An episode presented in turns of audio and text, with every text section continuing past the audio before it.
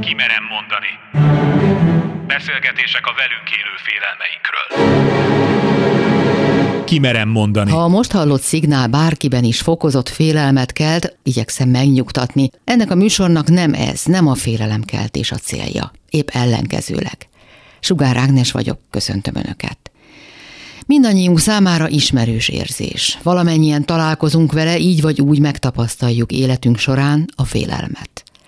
De hadd legyek konkrétabb, mert ami ezt a sorozatot igazából elindította, az az a kérdés, hogy miért félünk dönteni. Miért félünk vállalni egy döntést, miért félünk kiállni mellette. Nem tudom, hogy vannak vele, én egyre gyakrabban tapasztalom ezt a félelmet a szűkebb, tágabb környezetemben. De a dolog nyilván nem ennél a pontnál kezdődik, és a válaszok is meglehetősen szerteágazóak. Mert tudjuk-e egyáltalán, hogy mit szeretnénk? Vagy már tudni is félünk?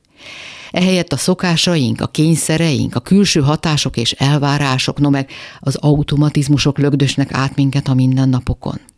Sokakat a teljes életükön. És a nyomában nincs más, csak a bizonytalanság, az elégedetlenség, a frusztráció és a félelem meg annyi arca. Ami egy ponton persze együtt jár a kiszolgáltatottsággal, a nyájként való létezéssel. Tudjuk, hogy kik vagyunk valójában, hogy mit szeretnénk, és hogy hogyan állhatunk ki önmagunkért. Ha van kedvük, tartsanak velem ebben a vizsgálódásban, mert reményeim szerint ez a sorozat nem csak arra ad választ, hogy hogyan kell döntenünk, a döntéseink és ezzel végső soron önmagunk mellett kiállni, vagyis hogy hogyan kell nem félni, de talán közelebb visz egy kiegyensúlyozottabb, megelégedettebb élet lehetőségéhez is. Hiszen valamennyien valami ilyesmit szeretnénk. A mai első részben a félelem eredetéről és miben létéről beszélgetünk, több felől közelítve a témához. És a több szempontú vizsgálódást szeretném megtartani a sorozat későbbi adásaiban is. Hiszen oly sokszor halljuk, hogy milyen színes a világ, hányféle elképzelés és igazság megfér benne. Hát lássuk, mit mond például a szociálpszichológus, a terapeuta, a keresztény pap és a buddhista tanító. Először Síklaki István szociálpszichológust halljuk arról, hogy tehát honnan ered és mi is a félelem. A túlélés feltétele tehát gyakorlatilag ez annyira ősi, a legősibb érzelmünk, idegrendszerileg is, hogy automatikusan kiváltódik bármely esetben, még mielőtt tudatosodna bennünk, egész egyszerűen az, hogy idáig megmaradtunk a világban, az lényegében a félelemnek köszönhető. Tudattalanul összönösen reagálunk olyan ingerekre, amik valamiért félelemre adhatnak okat. Ez lehet az, hogy megzizen a fű, és mielőtt még gondolkoznánk, összekapjuk magunkat, mert hogy hát ha kígyó, de lehet olyan is, hogy, hogy hirtelen hallunk a rádióban egy hírt, amiből összeszorul a gyomrunk, mert azt hiszik, hogy ki fognak rakni a munkahelyünkről. És ez egy zsigeri reakció, és hát aztán utána tudatosodik, és utána, hogyha jól tudjuk kontrollálni tudatosan, akkor ki tudunk belőle jönni, hogyha nem találunk jó tudatos megoldást a félelemre, akkor jön a nagyobb baj, akkor jön a szorongás, a tartós szorongás, a depresszió és hasonlók. Ehhez az is fontos, hogy tetten érjük a félelmünket, tehát hogy meg tudjuk nevezni, hogy mi zajlik le bennünk, mi történik velünk. A megmagyarázását, az alapját, a mögöttes dolgokat, azokon kell dolgozni, és hát azon sok minden áll vagy bukik, hogy azt sikerül-e megnyugtatóan rendezni, akár úgy, hogy jogos volt a félelem, és akkor most neki kell állni, fölkészülni, és a következményeit valamiképpen megoldani, vagy pedig úgy, hogy kiderítjük, hogy vaklárma volt, és akkor újra megnyugodhatunk. Aztán ismerjük a testetlen, vagy látszólag ok nélküli félelmeket, amit inkább szorongásnak szoktunk nevezni. Ezek régről felhalmozott élmények, amelyek nincsenek, félelmek, amelyek nincsenek feldolgozva, vagy alkatkérdése, neveltetés, környezeti hatások, mi az, ami összerak egy ilyen helyzetet?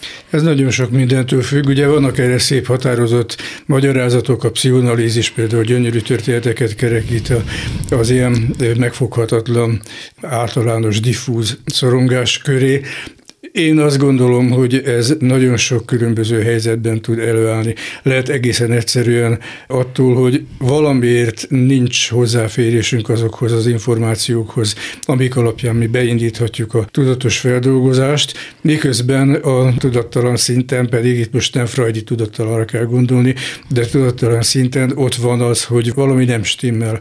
Nagyon sok emberrel, nagyon sok szituációban elő tud fordulni.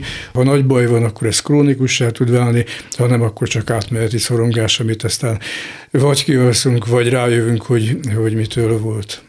Mennyire tanulható a feldolgozásra való készségünk, tehát hogy alkalmasak vagyunk arra, hogy megoldjuk ezeket a mögöttes problémákat, mennyire a mi dolgunk és mennyire adottság?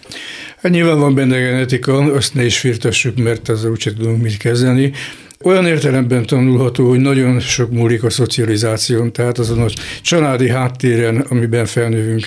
Hogyha úgy növünk föl, hogy olyan helyzetekbe kerülünk, amiből úgy tudunk kijönni, hogy, hogy mi is hozzátettünk valamit, nekünk is volt benne aktív részünk, akkor megtanuljuk, hogy, hogy meg tudjunk birkózni a félelemre adó helyzetekkel. Ha olyan családban növünk föl, ahol erre nincs bód, ahol teljesen kiszolgáltatottak vagyunk, retteltesen fontos tényező, hogy mennyire kiszámíthatóak a családban a, a szülői reakciók, az tud adni egy biztonságot. Tehát, hogyha én abszolút kiszámíthatóan minden áldott nap, amikor hazamegyek az iskolából, kapok egy nagy büdös pofont, az a kisebbik baj, mert az kiszámítható, és megtanulok valamiképpen az ilyen helyzetekkel bánni.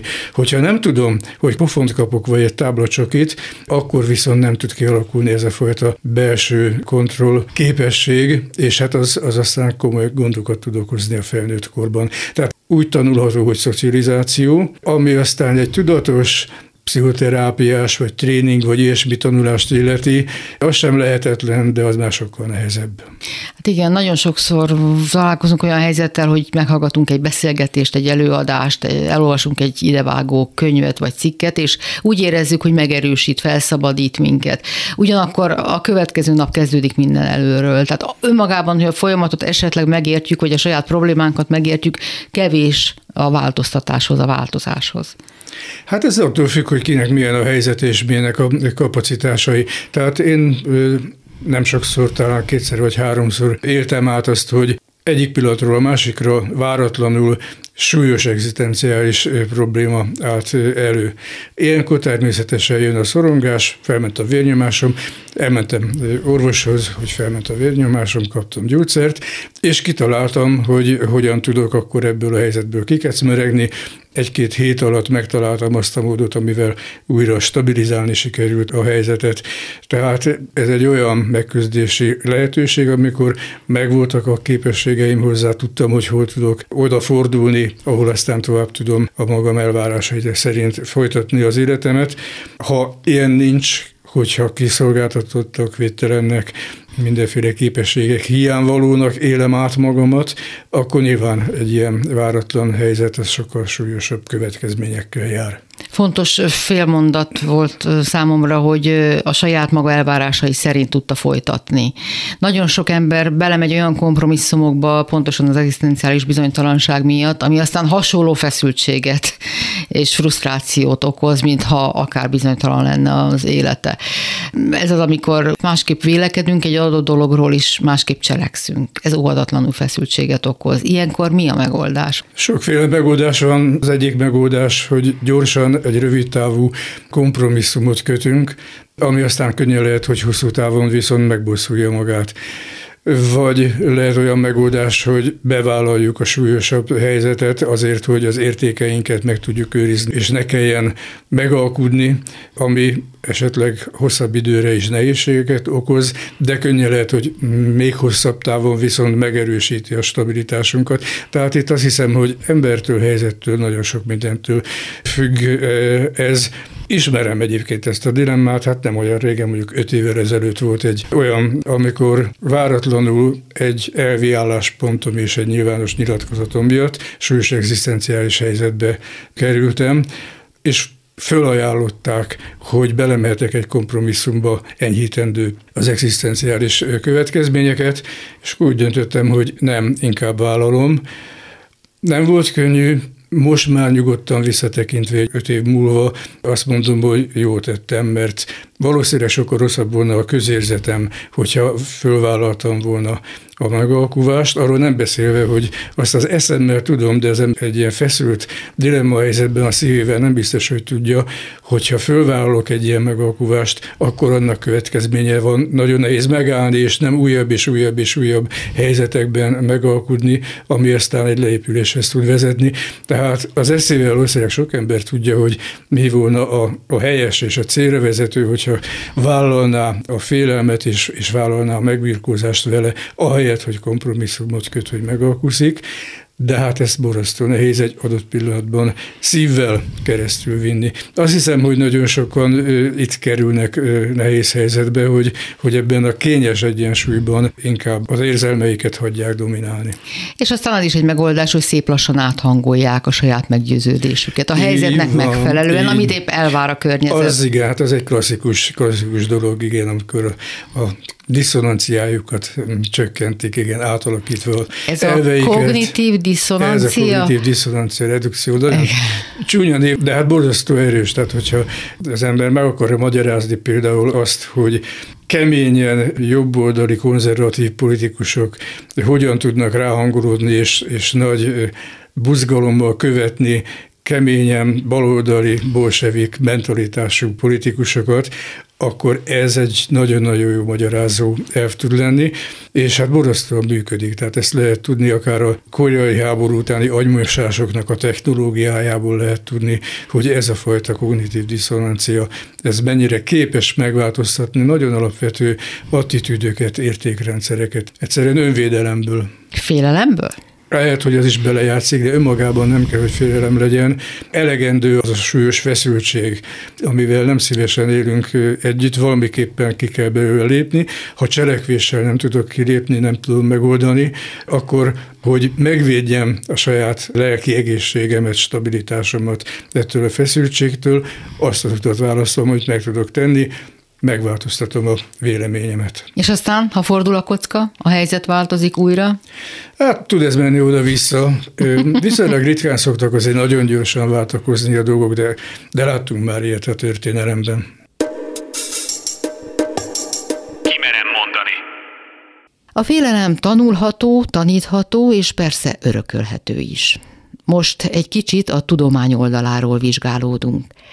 Szóba kerülnek a félelem kialakulásának evolúciós okai, és megnézzük azt is, hogy mi történik az agyunkban. Az érzelmi reakcióink feldolgozásában és elraktározásában főszerepet, de nem kizárólagos szerepet játszó agyi terület egy mandula formájú neuroncsoport, az amigdala. Az amigdalát tartják a félelem központjának.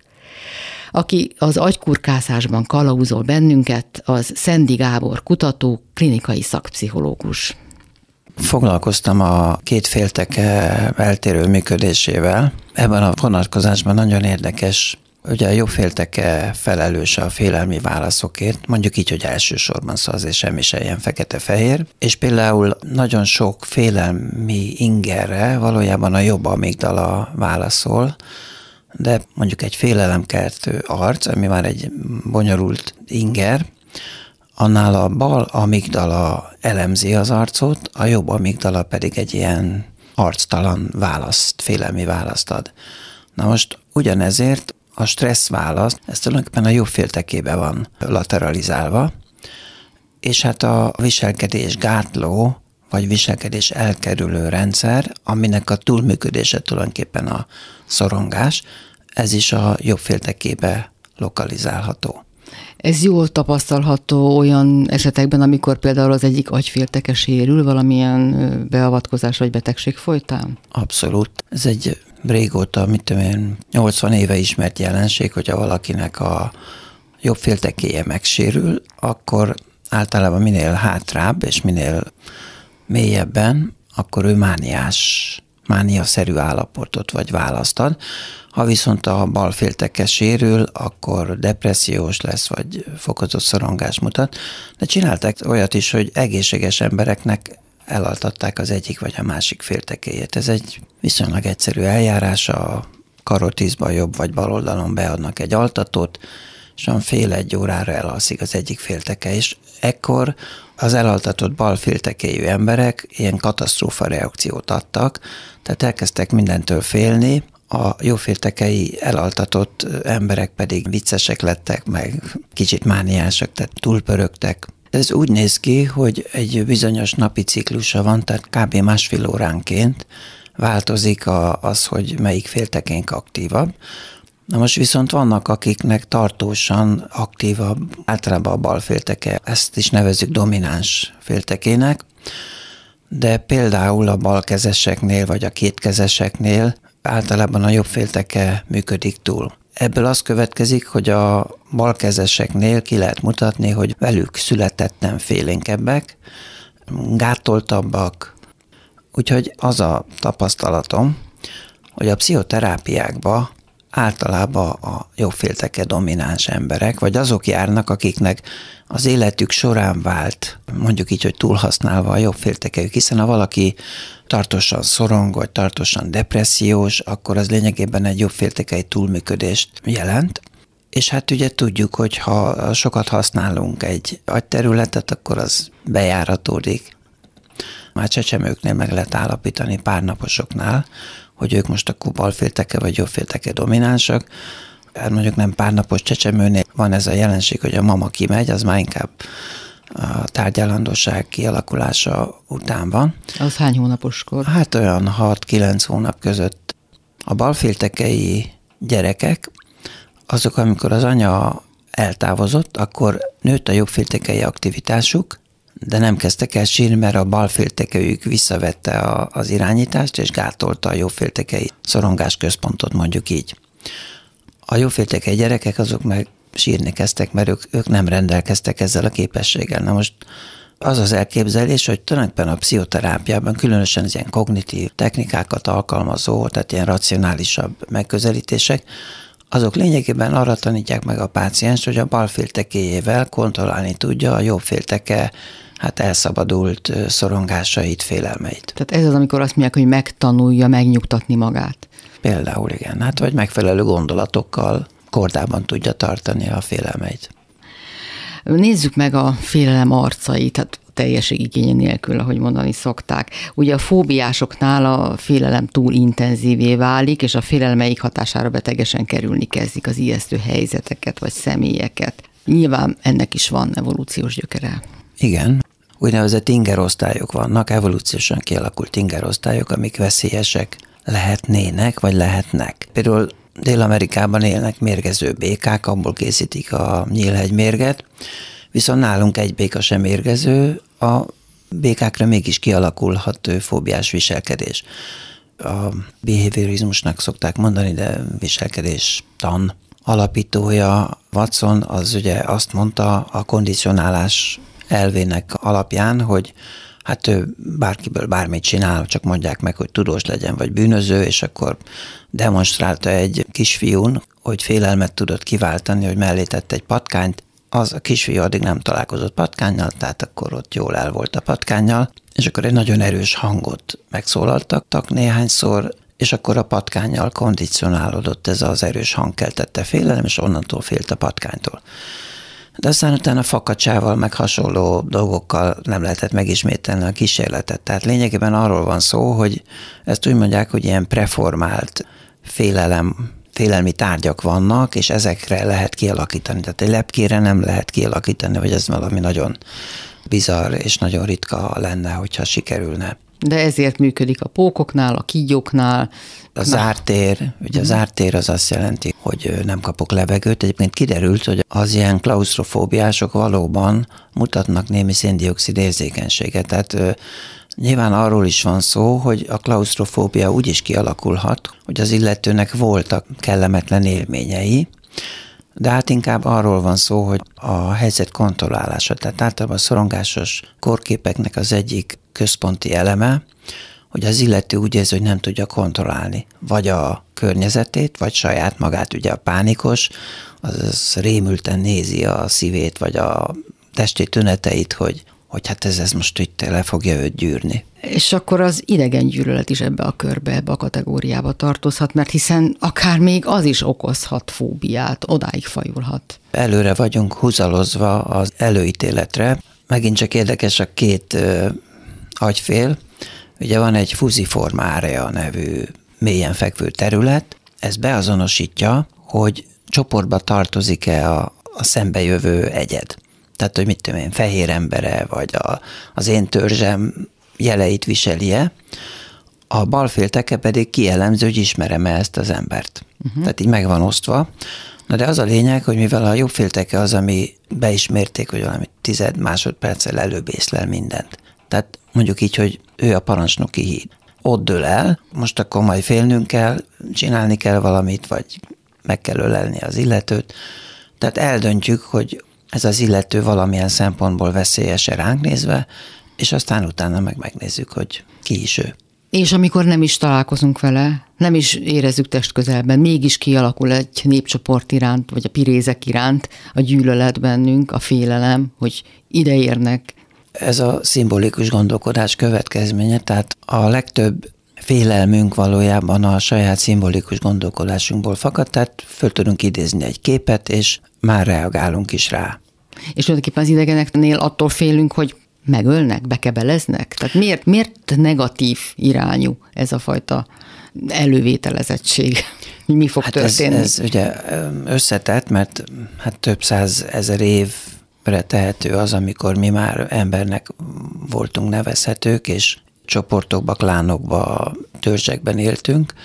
Na most ugye mivel mindig harc folyt a területekért, tehát biztos vannak békés törzsek is, ahol nagy a terület, akkor nem kell nagyon gyepálni a másikat, de például a másik törzs más baktériumokat, más betegségeket hordoz. Másik földrészről érkező embereknél olyan értelemben valós a félelem, hogy mit tudjuk mi, hát hogy Afrikában milyen betegségek vannak. Mikor és mitől válik ez fóbiássá? Lesz túlzó, túlzott? Lényegében arról van szó, hogy az illetőben van egy magas szorongásszint, és tulajdonképpen, hogyha egy fóbiás tárgyon ki tudja élni a szorongásait, akkor lényegében kezelhetővé válik a fóbia, hiszen akkor el kell kerülni a pókot, meg a békát, meg a idegent. Idegent, és akkor kezelhető a szorongás. Mert nyilván ezek az emberek akkor sem halálnyugodtak, de vélni tudják, hogy ő nekik mi a bajuk a világgal.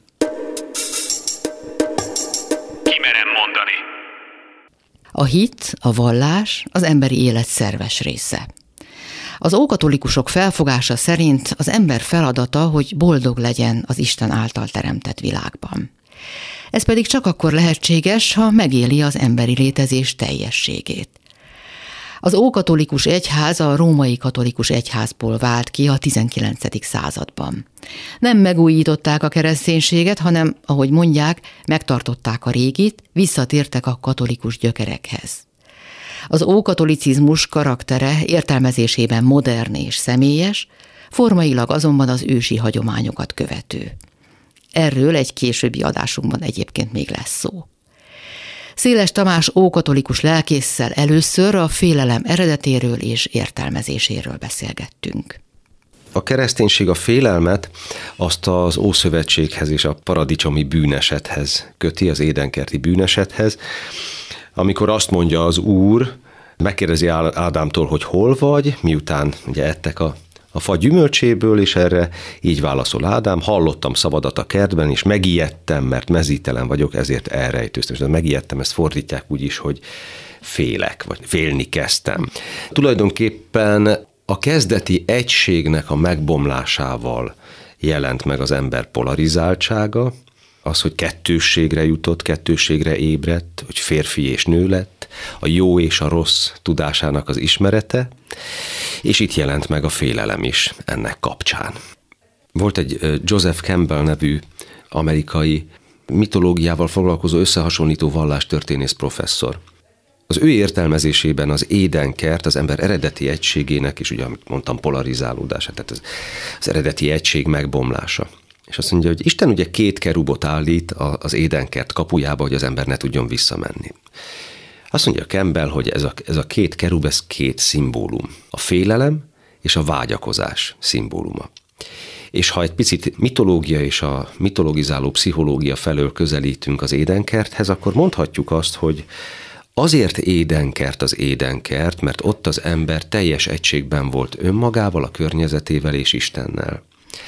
Amikor ez megbomlik és elkezd széthasadni, tehát jön a frusztráció, jön a megosztottság, jön a, a benső meghasonlás, akkor kerülünk az édentől keletre, és egyre keletebbre, és egyre távolabbra, és valójában ezt az egységet a félelem és a vágyakozás akadályozza meg, vagy ennek a helyreállítását. Vallási szempontból ugye a, a halálfélelem a legnagyobb félelem, hiszen erre ad a kereszténység megoldást az örök élettel és az üdvösséggel. És a halálfélelmet, meg a halált magát, az pedig az ősbűnhöz köti a kereszténység. Azt írja Szent Pál apostol a zsidókhoz címzett levelének a második részében, akiket a halál félelme egész életükön át rabszolgaságban tartott. Vagyis a félelem az olyan, mint a rabszolgasága. Ha az ember fél, akkor igazából nem tud teljesen önmaga lenni akkor nem találja meg a helyét a világban sem. Tehát a félelem az, az olyan, mint egy gátoltság. Olyan, mint, mint a koleszterin az erekben, ami eltömíti az ereket, és nem tud a, a vér megfelelően áramlani. Tehát az életenergiák sem tudnak megfelelően áramlani az emberben. Hogyha ha azt a szót, hogy kegyelem a végletekig redukáljuk, akkor az nem több, mint életerő vagy lelki erő amikor a hívek személyes félelmeikkel, aggodalmaikkal fordulnak önhöz. Hogy lehet válaszolni nekik úgy, hogy érthető is legyen, ne egy eltávolított szöveg legyen, hanem valóban hozzájuk szóljon? Tehát hogy kell ma kezelni a hétköznapi ember félelmeit? Pontosan ugyanúgy, ahogy 2000 évvel ezelőtt vagy mindig az emberi történelemben, mert azt hiszem, hogy az ember lényege az, az nem változott meg. Tehát ahogy Shakespeare-t tudjuk még élvezni, ennyi évszázad után ugyanúgy a Szentírás is azért érvényes, mert az ember még mindig ugyanúgy működik, mint akkor.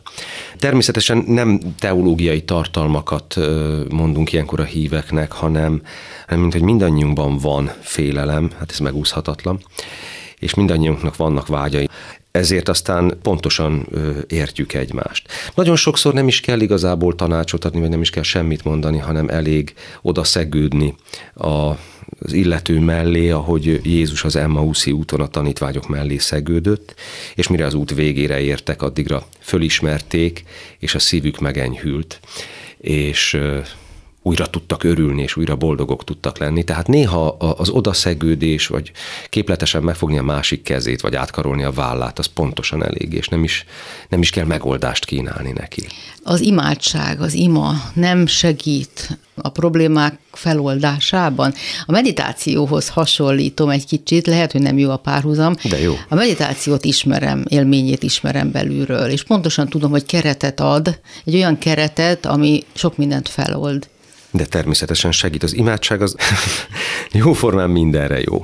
Jóformán mindenre jó. Hogyha a pap beszél belőlem, akkor hiszen megszólítjuk vele az örökkévalót, a mindenható Istent, és az imádság az a kommunikációs csatorna az Isten és az ember között.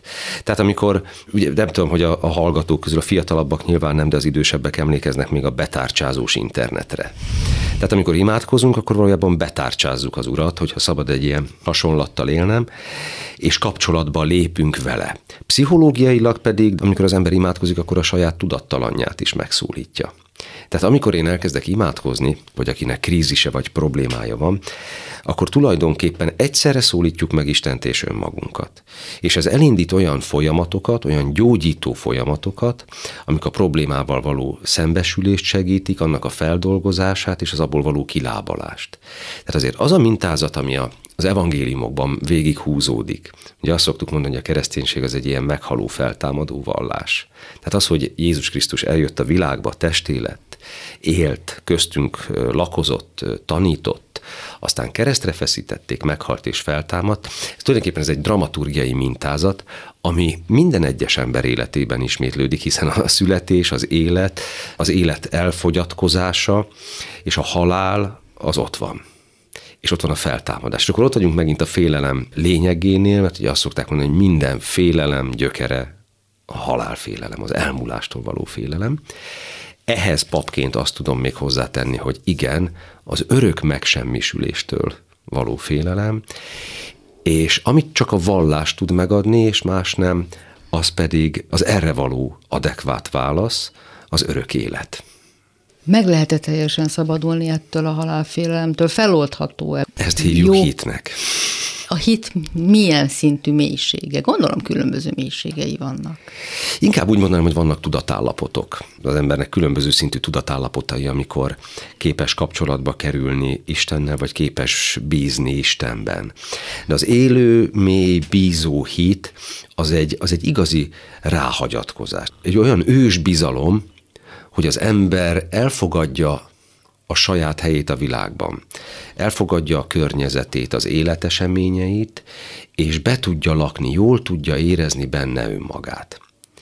Visszatérve a félem, félek valamitől. Félek attól, hogy bekövetkezik valami rossz dolog, betegség, nem tudom, egy tragédia, egy, egy fontos ember, családtag elvesztése, és a többi. Nem az a megoldás, hogyha ezek nem történnek meg, mert ezek minden ember életének részei meg fog történni előbb-utóbb. A betegség is, a veszteség is, a gyász, stb. Tehát, hogy a Szentírás mondja, mindennek megvan a maga rendelt ideje. Hanem az a megoldás, hogyha én ezt el tudom fogadni és fel tudom dolgozni.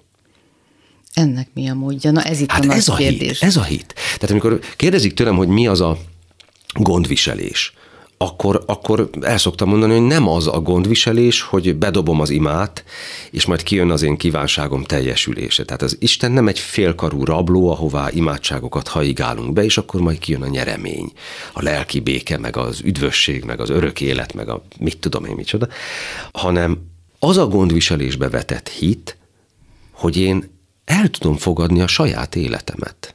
És hol van itt a személyes felelősség kérdése? Egy kicsit nekem ez úgy hangzik, mintha letenném a saját felelősségemet, majd minden megoldódik, majd minden a helyére kerül. Pont az nekem csak lázadnom nem szabad. Nem, nem, nem, nem. Szerintem pont az ellenkezője, hogy igenis tudatosítom magamban azt, hogy a, a saját hitem az az én kezemben van. Az, hogy én hogy élem meg a környező valóságot, az az én személyes döntésemen, szabad akaratomon múlik. Mi a különbség mondjuk egy hajléktalan, meg Assisi Szent Ferenc között? Azt gondolom, hogy a hit. Ugyanaz az életállapot, mind a kettő. Tehát ugyanúgy nincsen semmiük, ugyanúgy az utcán tengődnek és koldulásból élnek. Az egyik boldog olyannyira, hogy eljut a Krisztussal való azonosulásnak azon ö, szinte megismételhetetlen fokára, hogy a stigmák megjelennek a testén, a másik megadott esetben esetleg belepusztul. És gondolom közte a sok-sok fokozat, mert erre mondja a hallgató, hogy nem lehet mindenki Assisi Szent Ferenc. Nyilván egy Assisi Szent Ferenc volt a történelemben, de azért vannak ezek a példák, és azért válnak ezek a szentek igazi életpéldává, mert ők azok a hősök, akiktől meg tudjuk tanulni ezeket a dolgokat. Térjünk vissza a pszichológiához. A félelemnek számos arca van. Azt már tudjuk, hogy van, ami hasznos, hiszen távol tart a veszélyektől, a túlélés szolgálja. Sokszor azonban félelmeink felesleges szenvedést okoznak. Majer Máté pszichológus, család- és párterapeutával a félelem különböző megnyilvánulásairól beszélgettünk. A félelmek tulajdonképpen azok elvileg mind a halálfélelemben gyökerező, és abból aztán leágazott félelmek, elvileg minden félelem mögött a halálfélelem van, mondja e, néhány elmélet. Ugye én nem kutató vagyok, gyakorlati pszichológus, tehát én inkább a gyakorlati oldaláról találkozom a félelmekkel. Hogyha az a kérdés, hogy honnan erednek a félelmeink, akkor, akkor tulajdonképpen van ennek egy evolúciós része, és hát van ennek egy tanult része is természetesen. Tehát minden személy azoktól a dolgoktól fog félni konkrétan, amikkel az élete során mint félelmetes találkozik, vagy azért, mert a szülei már eleve félnek mondjuk egy kutyustól, és akkor gyerekként megtanulom, hogy a kutyusoktól félni kell, vagy pedig azért, mert én találkozom magam olyan helyzetekkel, ami bennem félelmet szül, mondjuk nem tudom, megégetem magam, és akkor félni fogok a tűztől. De hát aztán vannak ugye a testetlen félelmek, amelynek az okát sem tudjuk, a szorongások, az aggodalmak, ezek mikor, hogyan keletkeztek? Nekem az a tapasztalatom, hogy azok a félelmek, azok a szorongások, amik úgynevezett tárgy nélküliek, tehát amikor nem találjuk, hogy mitől is félünk, mitől is szorongunk, csak úgy félek, csak úgy szorongok, hogyha nagyon megkapargatjuk, előbb-utóbb megtaláljuk, hogy hogy ott valójában a mögött is van egy tárgy, valójában akkor is félünk valamitől, csak esetleg már az sem tudatosítható, hogy mitől. Ezek jellemzően kicsi gyerekkorból, fiatalkorból jönnek, és intellektuálisan azért sem hozzáférhetőek talán, mert annyira természetesnek vesszük, hogy valamitől mindig félni kell. Például egy klasszikus a sötétségtől való félelem, nagyon általános. Ugye a sötétségtől való félelem az valóban nagyon általános, ugye a kultúra általános is, tehát hogy nincs semmilyen meghatározottsága egyetlen egy emberi társadalomban se, hogy, hogy csak ott lenne, tehát az mindenhol van. Úgy magyarázzák ezt a gyerekpszichológiával foglalkozó kollégák, hogy a, a sötéttől való félelem az a kicsi gyerekeknél a halálfélelemnek egy ilyen egyenes leágazása, mert hogy neki ugye a sötét, az éjszaka, amikor jellemzően mondjuk egyedül hagyják a szülők, vagy, vagy ha nem is hagyják egyedül, mert mondjuk egy légtérben alszanak, de akkor így le kell feküdni, be kell hunyni a szemét, ugye elveszíti a kontrollt, elveszíti a tudatos kontrollt, nem tudhatja, hogy fölébred-e még evolúciós környezetben mondjuk ez így konkrétan is bekövetkezhetett, hogy este lefeküdt aludni, és reggel már nem kelt föl, mert mondjuk egy vadállat vagy egy másik törzs rajtuk ütött. Tehát, hogy ennek van egy ilyen evolúciós alapja, és ez az, ami még máig működik bennünk. Uh-huh. Aztán mondta példának a kutyát, hogy ha a szülő fél a kutyától, nagy valószínűséggel a gyerek ezt a félelmet eltanulja. Ez akkor is így van, hogyha a szülő nem mondja, tehát pont az ellenkezőjét mondja a gyereknek, hogy nem kell félni, de belül szorong. A gyerek mindig a viselkedést veszi le, mindig a, amikor nevelésről vagy tanításról beszélünk, akkor van a szavakkal nevelés, amivel ugye megtanítjuk, hogy mit kell mondani, és van a viselkedésünkkel nevelés, azzal meg megtanítjuk, hogy hogy kell viselkedni. És hogyha egy szülő láthatóan szorong, testtartásából, gesztusaiból látszik, hogy fél egy kutyától, egy állattól, a gyerekek nagyon-nagyon ki vannak hegyezve az ilyenfajta nonverbális kommunikációra, akkor ő ezt fogja megtanulni. És persze majd ő is azt fogja mondani a gyerekének, hogy nem kell félni a kutyáktól. Az a nagy fokú szorongás és aggodalom, ami már akár olyan súlyú, hogy az életvezetést is nehezíti az miből növi ki magát? Hogyan lesz ilyen súlyú, ilyen nagy? Én azt szoktam látni a terápiákban, hogy amikor egy félelem már gátolja a hétköznapi cselekvést, a hétköznapi életet, a hétköznapi működést, ott szinte mindig valamilyen jövőbe vetített helyzet van, egy ilyen negatív forgatókönyv, amitől tartunk. Ugye a jelenben, mivel az nincs itt, nem tudjuk megoldani, de ettől folyamatosan tudunk félni, pont azért, mert nem tudunk vele itt a jelenben semmit se csinálni, itt csak a félelem van és mivel azt olyan elkerülhetetlennek, vagy olyan kezelhetetlennek látjuk, ezt dagasztjuk, növeljük akkorára, hogy aztán ez már adott esetben a hétköznapi cselekvőképességeket agasztja meg. De ha mindez esetek tudjuk és látjuk, mert ismerjük önmagunkat, mert foglalkozunk a problémával, mert nem akarunk így létezni. Miért van, hogy mégis képesek vagyunk beleragadni egy ilyen helyzetbe? Azt kell itt még tudatosítani, hogy az érzelem szabályozás az egy fontos kérdés, és ha mondjuk arra nincs egy mintánk, nincs egy családi mintánk, a szüleinktől nem tanultuk meg, hogy hogyan lehet például megnyugtatni magamat, ha félek akkor én intellektuálisan lehet, hogy tudom, hogy ez a probléma, ettől még fogalmam nincs, hogy hogy tudnám magamat megnyugtatni milyen eszközeim vannak erre? Semmilyen. Hát a szorongásainkra és a félelmeinkre ugye rengeteg módszerrel próbálkozunk mi emberek, már ki mivel, alkohol, kábítószer, és még sorolhatnám a különböző függőségeinket. Mi van még ennél építőbb jellegű, ami a megnyugtatást szolgálhatja? Hogyha egy ilyen szülő-gyerek kapcsolatból indulunk ki, azt szerintem nagyon jól megvilágítja, hogy egy felnőtt ö, ember hogyan tudja saját magában, említett példáknál egy kicsit egészségesebb módon kezelni a félelmeit. Ugye egy kicsi gyerek az nem tudja, hogy mit érez, csak érzi. A szülő az, aki nevet ad annak az érzésnek. Mondjuk azt mondja, hogy á, hát akkor félsz. Ott a nagy kutyus és félsz tőle és akkor utána gyereknek már lesz egy szava, hogy akkor ez a félelem, ez az érzés a félelem. És akkor itt jön a folytatás, hogy a szülő mit kezd ezzel az érzéssel. Csak megnevezi azt, esetleg valamit mond is rá, hogy ó, hát a nagykutyusoktól nem kell félni. Tudod, amikor kicsi voltam, én is féltem, de az én szüleim is ott voltak velem, megvédtek, megnyugtattak mondjuk egy ilyen mondatot mond, és akkor a gyerek megtanulja, hogy ha ott van a szülő, ott van a felnőtt, akkor nem kell félni a kutyától, mert a felnőtt az megvédi.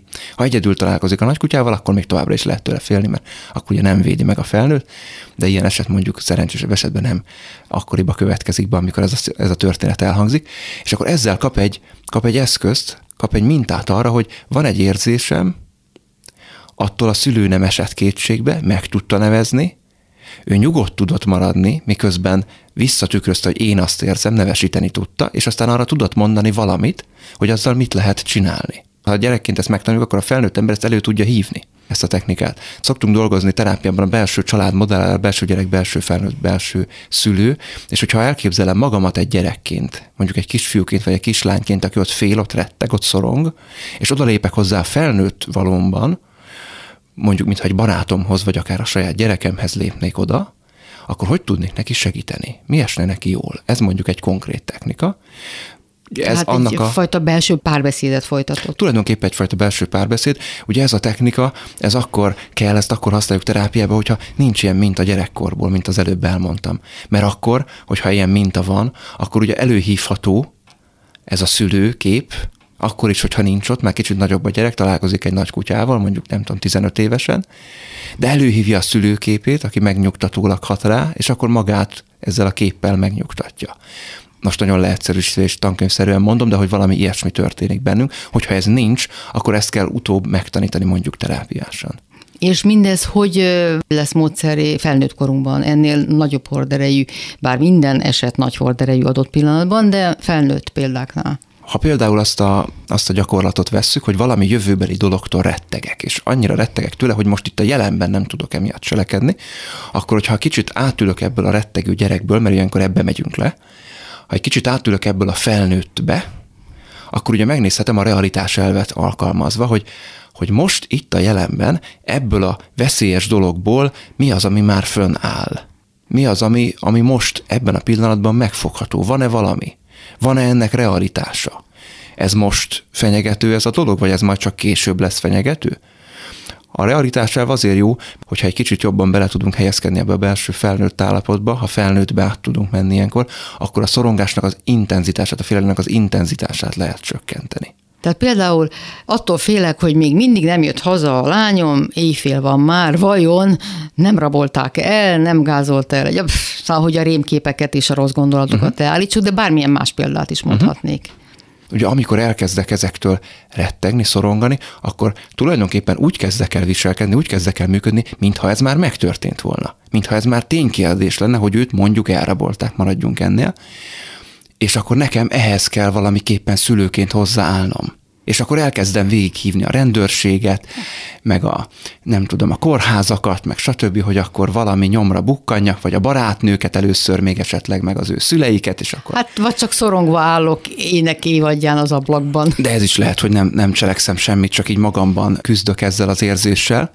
Ugye így tudatosíthatom magamban felnőttként, hogy de ez még nem történt meg. Most annyi történt, hogy nem ért haza még a lányom, és éjfél van. Tehát ez az, ami van.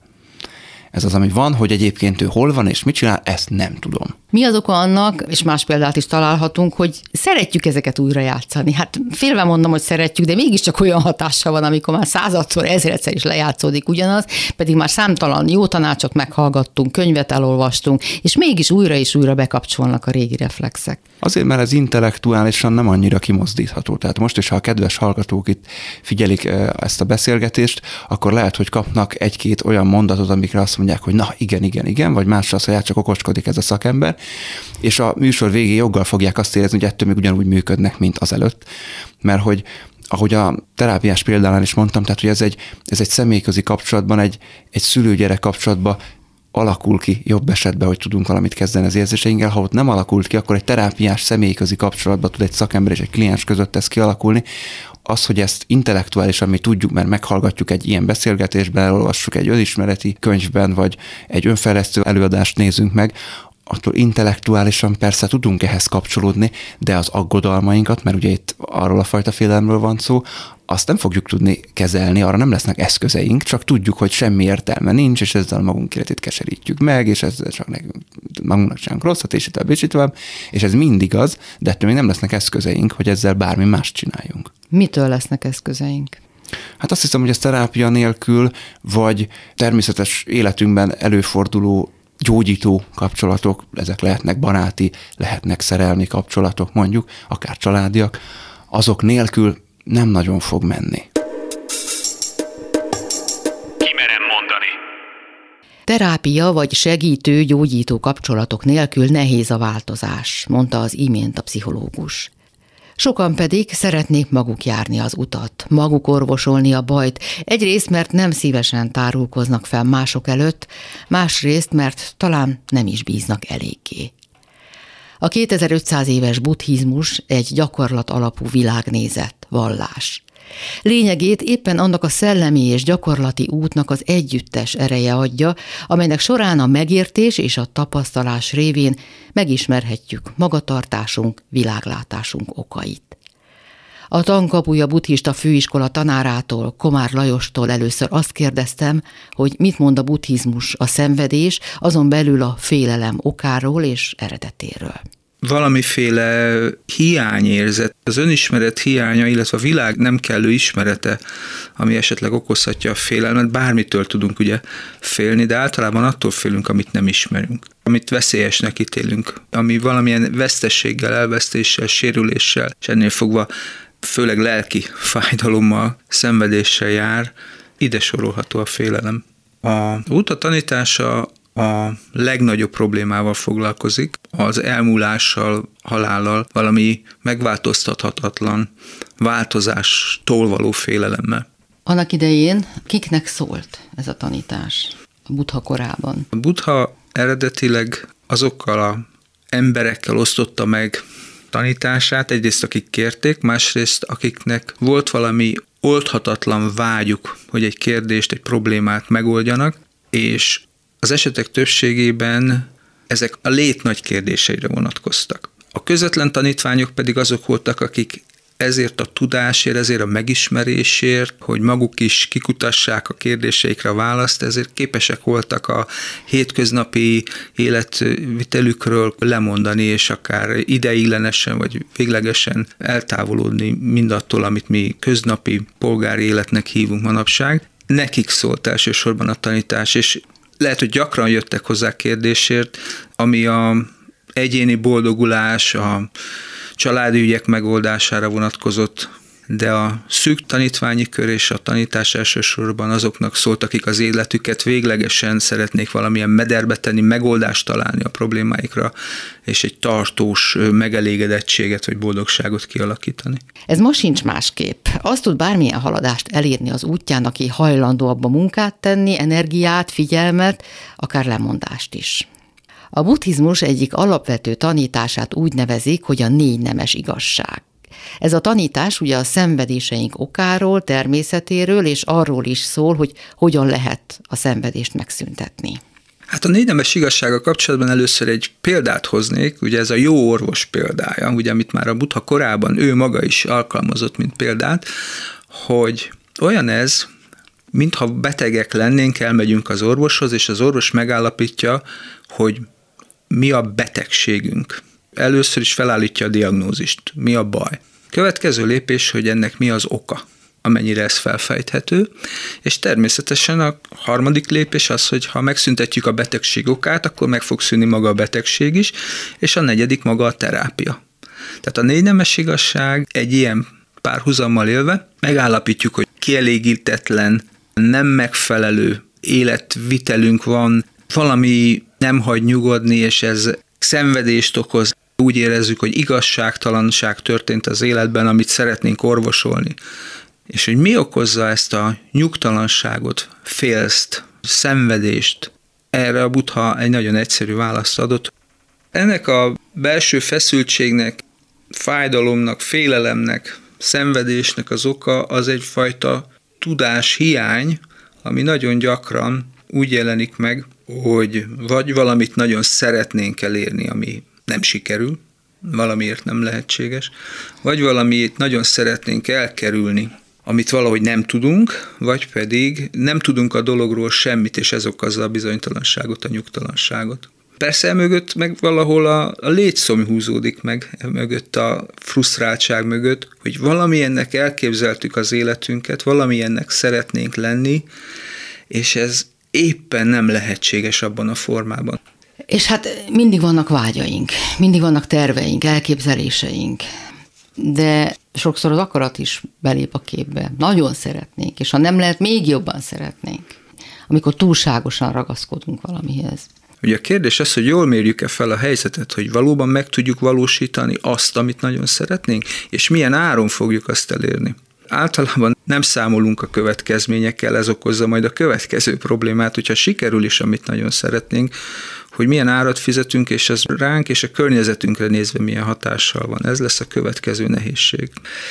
És hát az esetek többségében, ha sikerül is, ugye ideiglenesen birtokoljuk azt a készséget, képességet, tulajdonságot vagy tárgyat, amiért olyan nagy erőfeszítéseket tettünk, utána pedig jön a rettegés, hogy el fogjuk veszíteni. Tehát a megvalósítás, az elérése a dolgoknak, az, hogy az akaratunkat érvényesítjük, ez ideiglenesen lehet, hogy kielégítő és örömöt okoz, de vajon hosszú távon is megelégedéssel tölte minket ha a gazdagságra vetítjük anyagi vagyonra, ugye utána retteghetünk, hogy nehogy elveszítsük azt. Ez egy egyszerű példa. Meg mondják, hogy akinek sok van, az még többet akar, nem tud megállni. Igen, mondják, én ezt nem ismerem valamiért. Nagyon kevéssel is el tudom képzelni az életemet, de valóban úgy tűnik, hogy a megszerzett mennyiség után felcsillan a remény, hogy még többet is lehet, és azért ez elég vonzó tud lenni. Tehát a vágyakozás szüli az újabb vágyakozás, beteljesülés, ide beteljesülés, oda, soha nincs megállás ezen az úton, de ezt a vágyakozást el is lehet engedni. Ezt hogyan kell, mi ennek a módja, mit mond erre a buddhizmus? Hát egy kicsit több időt kellene töltenünk azzal, megvizsgálni, hogy miért akarom én ezt annyira, hogy ilyen nagy erőfeszítéseket teszek érte, és itt ugye eljutunk legfontosabb kérdés ez ugye az önismerethez, ugye a buddha tanítása az, az önismeret útja tulajdonképpen. Egy olyan fajta bölcseleti rendszer, ahol magunkról, elsősorban magunkról tudunk meg mindent, és magunkon keresztül ismerjük meg a világot. Tehát a mozgatórugók, amik hajtanak minket, hogy hogyan jöttek létre ezek a mozgatórugók, és még egyszer, milyen következményekkel jár, hogyha teret engedünk ezeknek a hajlamoknak, szándékoknak. Ezt kellene jól felismerni.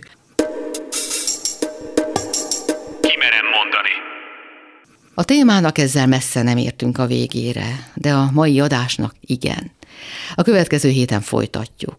Akkor még mindig a félelem különböző megnyilvánulásairól, az aggodalomtól a pánikig, és a félelem, vagyis az érzelem szabályozás lehetőségeiről is szó lesz. Köszönöm figyelmüket, Sugár Ágnest hallották. Kimerem mondani. Beszélgetések a velünk élő félelmeinkről. Kimerem mondani.